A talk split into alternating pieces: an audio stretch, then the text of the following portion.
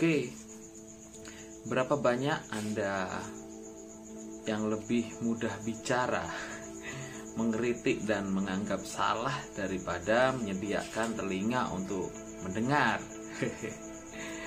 ah, biasalah itu namanya juga manusia. Punya hasrat dan kadangkala kalau sudah pengen ngomong nggak bisa dibendung gitu ya. Tapi nggak apa-apa lah, saya nggak mau menyalahkan karena ya mungkin saya pun melakukan hal yang sama. Sama-sama belajar lah. Ya di dunia ini hal tersebut memang sering kali terjadi. Merasa diri lebih pintar merasa diri lebih baik merasa diri lebih bijak. Ya tinggal kitanya aja memandang diri kita sebagai apa. Seperti mereka atau seperti yang Tuhan mau Ya, saudaraku koreksi diri itu tanda kebijaksanaan seseorang. Tanpa sadar, diri manusia akan masuk di lingkaran yang sama, yaitu merasa diri benar. Kebenaran itu tidak bisa hanya dirasa-rasa loh, saudaraku. Kebenaran itu harus dipahami, ada dasarnya, ada standarnya. Kalau cuma pemikiran sendiri ya belum bisa dijadikan sebuah kebenaran tentunya.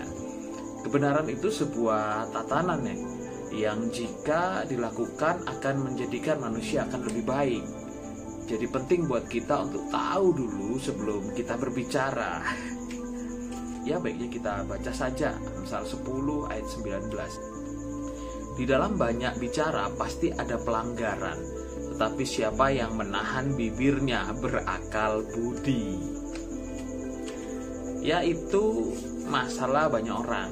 Begitulah. Jadi Alangkah baiknya kita pandai-pandai menahan bibir kita.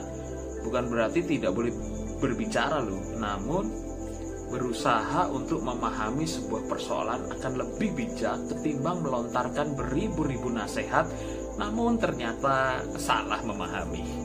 Kita akan sangat terlihat bodoh. Oke deh, kita baca lagi. Yakobus 1 ayat 19. Hai saudara-saudara yang kukasihi, Ingatlah hal ini, setiap orang hendaklah cepat untuk mendengar, tetapi lambat untuk berkata-kata, dan juga lambat untuk marah. Satu lagi ya, Yakobus 1 ayat 25 dan 26. Tetapi barang siapa meneliti hukum yang sempurna, yaitu hukum yang memerdekakan orang, dan ia bertekun di dalamnya, jadi bukan hanya mendengar untuk melupakannya, tetapi sungguh-sungguh melakukannya. Ia akan berbahagia oleh perbuatannya. Jikalau ada seseorang menganggap dirinya beribadah tetapi tidak mengekang lidahnya, ia menipu dirinya sendiri, maka sia-sialah ibadahnya. Nah, jadi mendengar lebih baik daripada berkata-kata.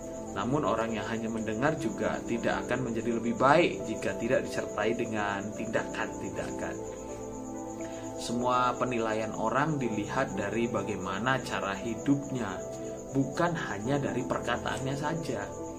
Nah, jika kita pandai berkata-kata lebih daripada tindakan kita, maka perkataan kita itu tidak ada faedahnya, saudaraku. Oleh sebab itu, mari kita belajar bijak berpikirlah lebih luas dan bekerja lebih banyak supaya yang dinilaikan orang atas perkataan kita sepadan dengan yang kita kerjakan. Semoga semua kita bertumbuh ke arah yang benar. Tuhan Yesus memberkati Anda.